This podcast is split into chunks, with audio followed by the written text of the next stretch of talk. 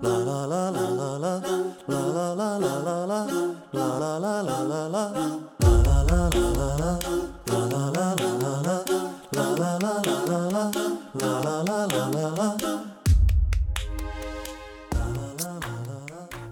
til podkasten Bare vår stemme.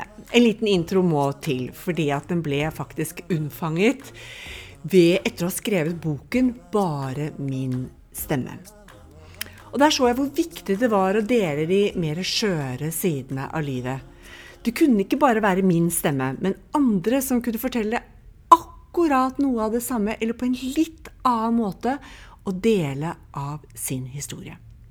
Jeg ville bak fasaden, bak masken som vi viser omverdenen, og til det mennesket vi alle kan rett og slett gjenkjenne oss i.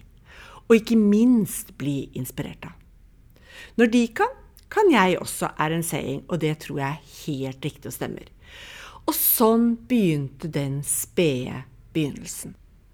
Så begynte reisen. Hvor i all verden skal jeg finne disse frodige, fargerike gjestene som turte å by på seg selv og deres narrative? Resultatet har blitt noen fantastiske møter rundt kjøkkenbordet hjemme, med hjemmelaget støyvern av mine alle puter, 40 puter, og en kopp med noe godt i. Og et tema hver og en har valgt selv, kun med det kriteriet at det skal være nært og litt under huden. Ikke så rent litt heller. Det har vært en gave å få møte så mye skjønne mennesker. Fått innblikk bak masken vi alle viser omverdenen. Og få et helt, helt unikt innblikk i de ulike personlige reisene. Temaene har vært mange og til særs ubehagelige. Og det har fått meg til å reflektere og fundere på hvorfor gjør jeg dette?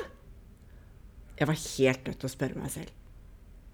Et helt samfunn går rundt og er redde for hva naboer, venner, familie og andre måtte synes og mene om hva akkurat du gjør. Og med den begrensningen lever vi bare halve liv.